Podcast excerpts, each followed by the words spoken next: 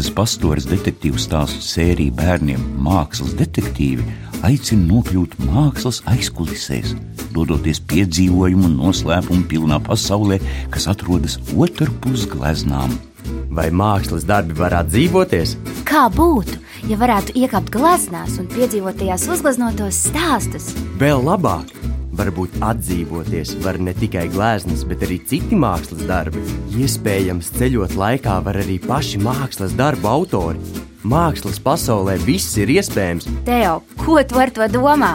Var atdzīvoties arī citi mākslas darbi. Ko Teo ar to domāja, jūs tūdaļ uzzināsiet jums būs iespēja iepazīties ar bronzas cilvēku un piedzīvot neskaitāmas performances pašā Rīgas centrā, tajā laikā, kad Rīga bija pavisam citāda un tajā valdīja cita kārtība. Un tā sākam operāciju Maska. Pagaidiet, pagaidiet, pagaidiet. Vispirms man jāizstāsta, kas atgadījās iepriekšējā sērijā.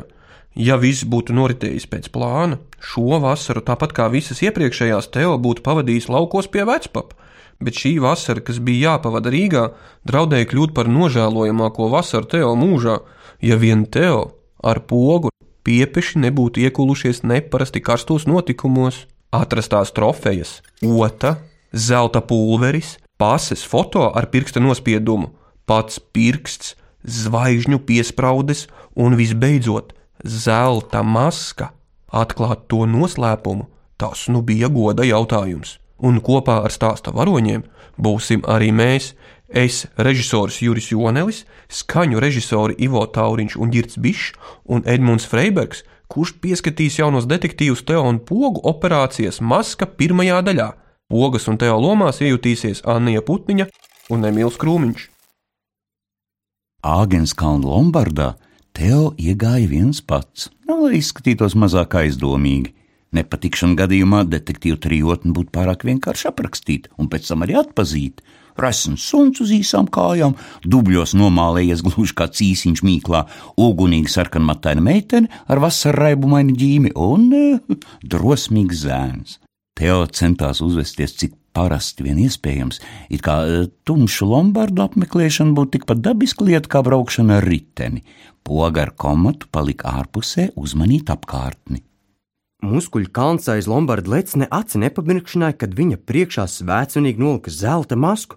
Viņš nekavējoties iesprāda acī īpaši palielināmo stiklu, kas lika viņam izskatīties pēc briesmīga ciklopa, un kapa klusumā izpētīja masku. Jau pēc pāris sekundēm es biju no Lombarda ārā. Poga tuliņ metās klāt kā lapsen pie medus poda. Nu, Sliktas ziņas, bronza. kāda vēl bronza runā taču skaidrāk? Tas ir viss, ko viņš man pateica. Viņš teica, bronza. Tad nospļāvās turpat uz grīdas un vienkārši aizgāja prom. Bronza! Ko tad tu uzreiz neteici? Viss ir zudis. Mana zelta maska! Patiesībā visparastākā bronza! Viņas zelta maska? Nē, nu dien! Tad Lūkas viņai patiesībā bija padomā, zelts aptumšojas prātu.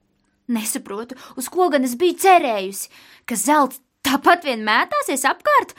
Manā slepenajā operācijā zelta maska tagad jāizsvītro pats galvenais - zelts. Vērtīgā zelta maska, kas nebija no zelta, un, protams, vairs nebija arī vērtīga, bezpalīdzīgi kulstījās Teo rokās. Karstajā saulē tā piepešķita patīkam atvēsusi, un kamēr poga gluži kā apmāta burtiski vārījās par viņas it kā pazaudēto bagātību, maska kļuva arvien augstāka, kā kārdinošs saldējums karstā vasaras dienā. Teo pārņēma nepārvaramu vēlmi uzmaukt vēselu masku galvā, kā spaini. Cik lieliski! Vēsa maska tā pasargātu no dedzinošās saules. Teo tuvināja masku sejai. Kaut kur tālu pie kājām brīdinoši ierūcās komats. Liecies mierā, tā taču ir tikai maska, kas gan varētu notikt. Teo sev par pārsteigumu ne tikai nepacietīgi nošņācās, bet arī nekautrīgi ar kāju aizbīdīja takšelu prom un uzmauca masku galvā. Kā uz burvju mājienu izgaist veicīgais karstums un man apņēma patīkams atvēsinošs vējiņš. Karstumā sagurusī smagā galva kļuva viegla, tik viegla, ka man pat vajadzēja pie tās pieturēties. Ja vien man tā gribētos, mana galva tagad varētu aizlidot mākoņos. Ja vien gribētu, es tagad varētu pacelt asfaltu zem jūsu kājām. Teo iesaucās tā, lai pogu un komats abrīnā noelstos un sastingtu. Tik stiprs viņš pēkšņi jutās, un patiesi poga apklusa un lielām kā pogas acīm beidzot pievērsās Teo. Izsmeigi nopētījis Teo maskoto seju, viņa izspļāva. Nu tad pacel arī! Bet es negribu. Starp citu, vai es esmu tev stāstījis, kā es reiz Daugavā noslīku?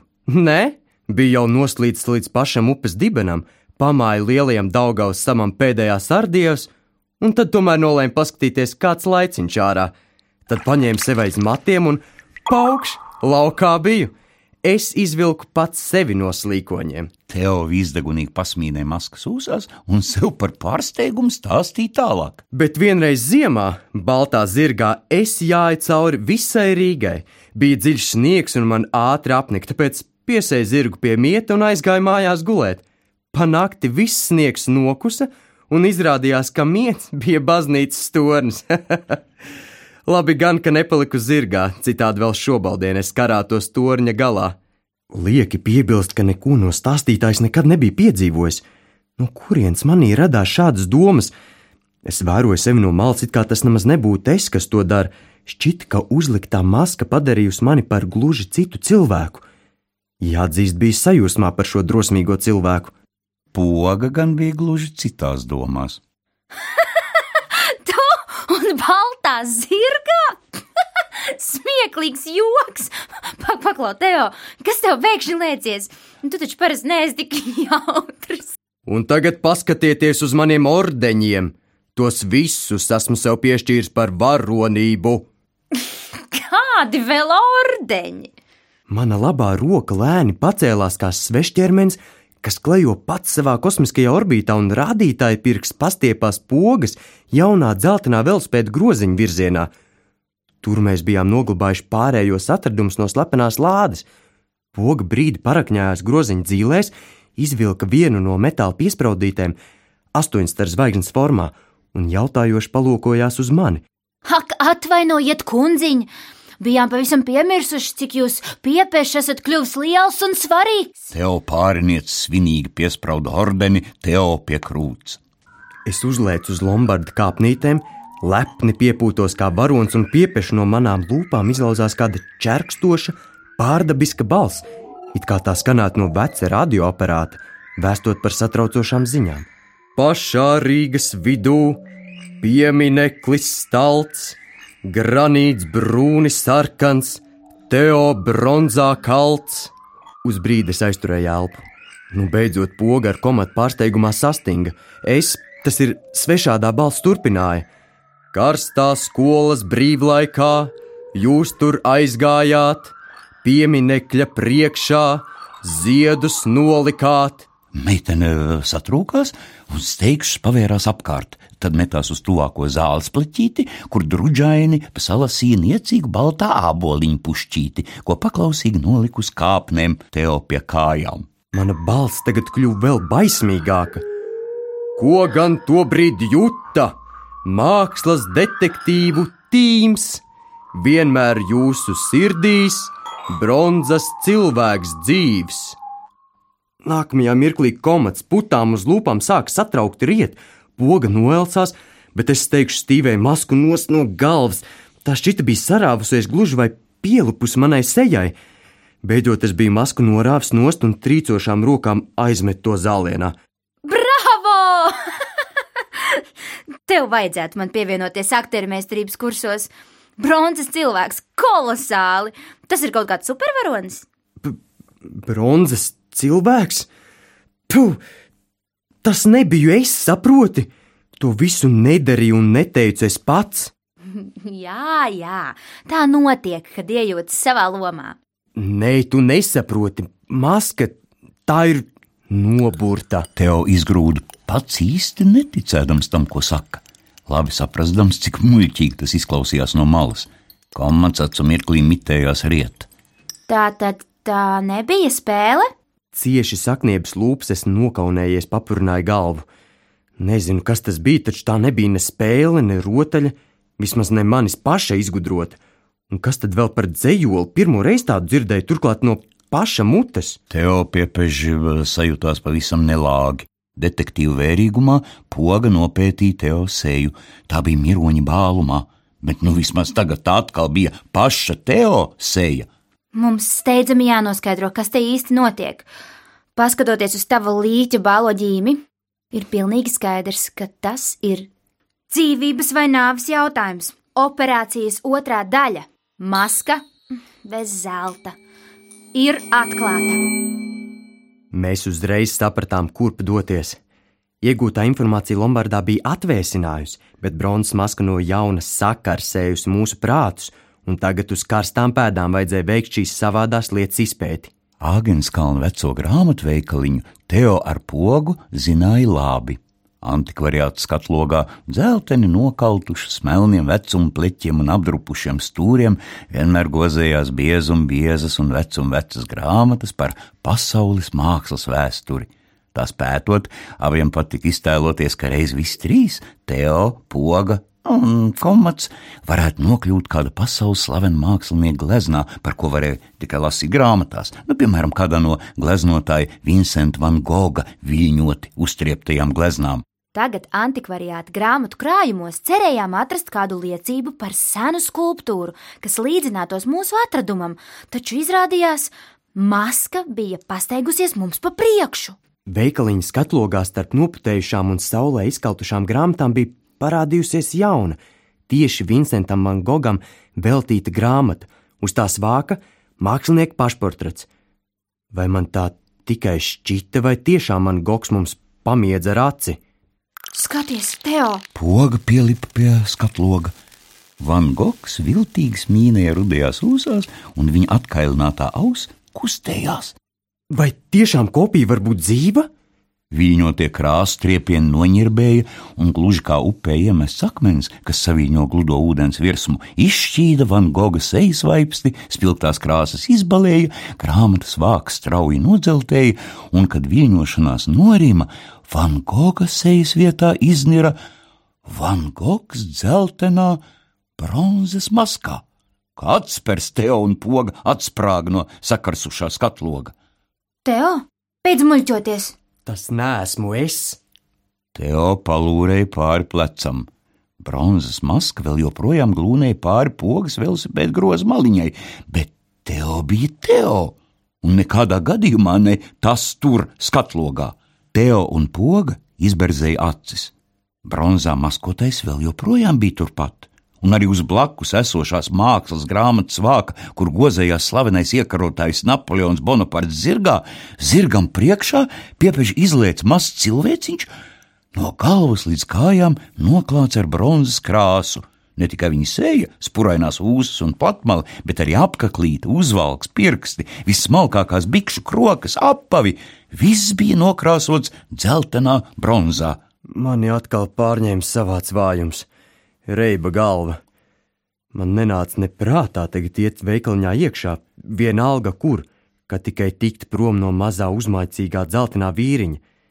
Es lēnām atkāpos no skatloga, jo tālāk prom jau vairāk bronzas cilvēciņu pazuda no grāmatu vākiem. Pēdīgi metos beigt, un maniem sabiedrotiem cits nekas neatlika, kā man sekot. Taču bēgšana nelīdzēja. Nepameta sajūta, ka bronzas cilvēciņi paslēpušies mūsu vēro no citu veikalu skatlogiem, logu atspūgiem, elpo pakausī, klātesošu un dzīvi, un smīna savu viltīgo smaidu rudajās bronzas ūsās un slēpjas aiz katra nākamā stūra. Ielās kā par nelaimi nebija neviena paša cilvēku, un bronzā maskotais varēja uzdarboties pēc sirds patikas. Nolēma, ka labākā paslēptuve būtu ļaužu pilna kafejnīca tieši mums priekšā, ātri pazūdam. Teo uzsauc pogai un komatam, un pārlūkojot ielu, vai neviens nesako, visi pazuda kafejnīcas vārošajā vēderā. Pasūtījuši dzērienus, divas atspirdzinošas ābolu sulas un bļodiņu ūdens komatam, Teo un poga novietojās kafejnīcas tumšākajā un vēsākajā kaktā. Tā, ko mēs par viņu zinām? Bronzas maska, atrasta Daugovas dibenā, izraisa karstuma dūrienam līdzīgus murgus, rādās mākslas grāmatu vākos. Deklamēt dzējoļus, vienmēr jūsu sirdīs bronzas cilvēks dzīves. Ui, dzējols skan kā baisa pareģojums. Ko no tā visa varam secināt? Poga neatbildēja un tikai nosvilpās, iebāz uz degunu kādā no žurnāliem. Kolosāli! Poga, vai tu varētu pievērsties kam nopietnākam par kaut kādiem žurnāliem un vispār izbeidz ar tiem saviem nebeidzamajiem kolosāli? Lieta ir nopietna, vēl ņems un pārvērtīsies par kolīju sāli. Nē, nopietni. Te rakstīts kolosu sala, un te atkal priekšā ir viņš. Poga parādīja žurnālu. Krāšņā ceļojuma aprakstā par kādu gadsimtiem aizmirstu salu, kas šūpojās Indijas okeāna zilzaļajos ūdeņos, bronzas cilvēka ģīmis pozēja visās fotografijās starp milzīgiem, nu patiešām milzīgiem, deviņu stāvu mājas augstuma izslietiem līdz pusē nogrieztiem cilvēka pirkstiem. Tik īstiem, tik krunkainiem un dzīviem, ka tev no šausmām nosvīda augstiem sviedriem. Kolosi taču ir milzu izmēra gigantiskas statujas, bet cilvēka pirksti kā statujas, murgs kaut kāds. Teo ar aizdomām palūkojās uz velosipēda groziņu, kurā bija ne tikai abortā maska, bet kaut kur starp zvaigžņotajiem ordeņiem mētājās arī bronzas pirksts. Kā tas iespējams, bronzas cilvēks ir īsts? Viņš patiešām ceļo pa pasauli un raksta par to žurnāliem? Teo kā apsviļņinājies aizsviet briesmīgo žurnālu kaktā. Tajā pašā mirklī kafejnīcas televizora sporta pārraide noraustījās, trokšņainā kafejnīca pieklusa, un uz ekrāna bez skaņas parādījās liels uzraksts - Egovīzija! Eirovīzija! Tur kāds laikam skolā nav gājis un pareizi rakstīt iemācījies. Tomēr televizorā atskanēja čerkstošā balss, kā reklamējot kārtējo lielisko produktu. Televizorā interesants raidījums. To jūs iespējams nenoskatīsieties, bet, ja tajā rādīs jūs pašus, skatīsieties noteikti. Tāpēc firma Egocentrs piedāvā jums egovīziju ar labāko programmu katram, kurš to skatās. Egovīzija, televīzija par jums! Balts apklus un egovizora. Tas ir televizora melno ekrāna piepieši klājas poguļu virsma, kurā mēs ieraudzījām paši sevi. Pogas vasaraibainais deguns, mans saules nogurdinātais ģīmis, komata dūņām nomālētā galva un viss. Nekā cita, tikai mūsu sejas. Kāds garlaicīgs raidījums. Kafejnīcas apmeklētāji, kas līdz šim bija sekojuši līdzi sporta vēstījumam, saka neapmierināti kurnēt. Bārmenis centīgi pūlījās pārslēgt kanālus, taču visos tika raidīts viens un tas pats - Teo, Poga un Komats. Poga, protams, bija sajūsmā par šādu notikumu pavērsienu. Viņas acis savādi spulgoja, vērojot sevi televizora ekrānā. Viņas aktrises karjeras zvaigžņu stunda būtu situsi. Ja vien nenotiktu kaut kas šaušalīgs, pār teo seju ekrānā pārlīd dzeltena krāsa, pārvēršot to bronzas maskā. Tas vairs nebija izturams. Bronzas cilvēks, te bronzas cilvēks, tur bronzas cilvēks, velns viņa zina, kur. Visur, kur pagriezies, vienmēr priekšā kā dzīves. Teo, es sapratu. Vienmēr jūsu sirdīs bronzas cilvēks dzīves. Tu būsi viņu atdzīvinājis. Izraukot masku no Daugavas, būsim atmodinājuši kādu slepenu burvestību, kā džīnu no pudeles. Kolosāli! Viss ir vēl labāk, nekā bijām iedomājušies. Uzvelc masku vēlreiz. Kāpēc? Pogi, es nesaprotu. Teo piepešs sajūtās tik vājš, it kā maska būtu izsūkus pēdējos spēkus. Būdams detektīvs, tu neesi diezko apģērbīgs. Maska taču arī var būt dzīves mākslas darbs, tāds pats kā glezna, vai fotografija, vai skulptūra. Saproti, varbūt ka tu vienkārši nokļuvi otrā pusē, mākslas pasaulē. Tagad mums jānokļūst tur visiem trim, lai noķertu īsto bronzas cilvēku. Velc masku galvā. Kāpēc tieši es? Velciet paši, ja jums tik ļoti gribas. Pašā Rīgas vidū piemineklis stalts, granīts brūni sarkans, Teo bronzā kalts. Redzi, nu, Teo bronzā kalts, nevis poga bronzā kalta, vai vēl labāk, komats bronzā kalts.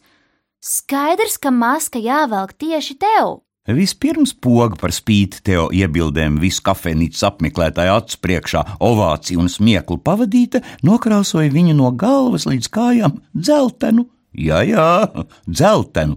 Pēc bronzas cilvēka ģīmju līdzības ar komata bļodiņas ūdeni atšķaidīt bronzas krāsas pulveri un seifā atrasto otu, viņa nomālēja Teo kaklu, rokas, kājas, kāju pirkstus un pat apģērbu. Visu no vienas vietas aizkrāsoja ciet. Pēc tam, apnicīgi dungodam, viņa piesprāda pie spīdīgi dzeltenās krūts atlikušos 39 zvaigžņotos ordeņus. Un visbeidzot, Teo dzeltenajā krūškabatā viņa noslēpa lapiņu ar bronzas cilvēka pasas fotografiju, kā arī zelta pirkstu. Drošs paliek nedrošs, ja nu pēkšņi vajadzēs tevi identificēt. Kaut ko tādu var izdomāt tikai bērni vai dūlu mākslinieki. Nu, kas tas ir? Nu, Kaut kāda performance vai cēlus topošajā skolas izrādē. Lai nokļūtu otrā pusē, jeb mākslas pasaulē, bija tikai jānoskaita mūsu slepenie vārdi, kas iedarbojās tikai tad, ja mēs tos skaitījām kopā. Vai tu lūdzu atstātu mani vienu? Teo uzmauc galvā masku, brīdi nogaidīja, un, kad nekas briesmīgs nenotika, Un ļaut tev sarunāties ar sienu? nākamajā mirklī viss palika dzeltens.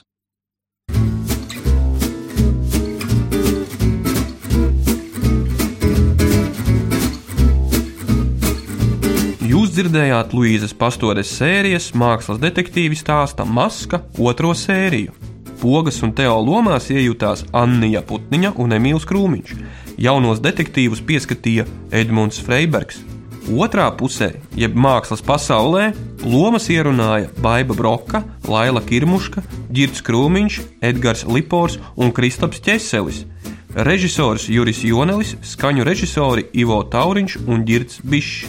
Radio variantu veidoja Laima Matuzāle, producente Māra Eglīte, Latvijas radioteātris 2018. gads.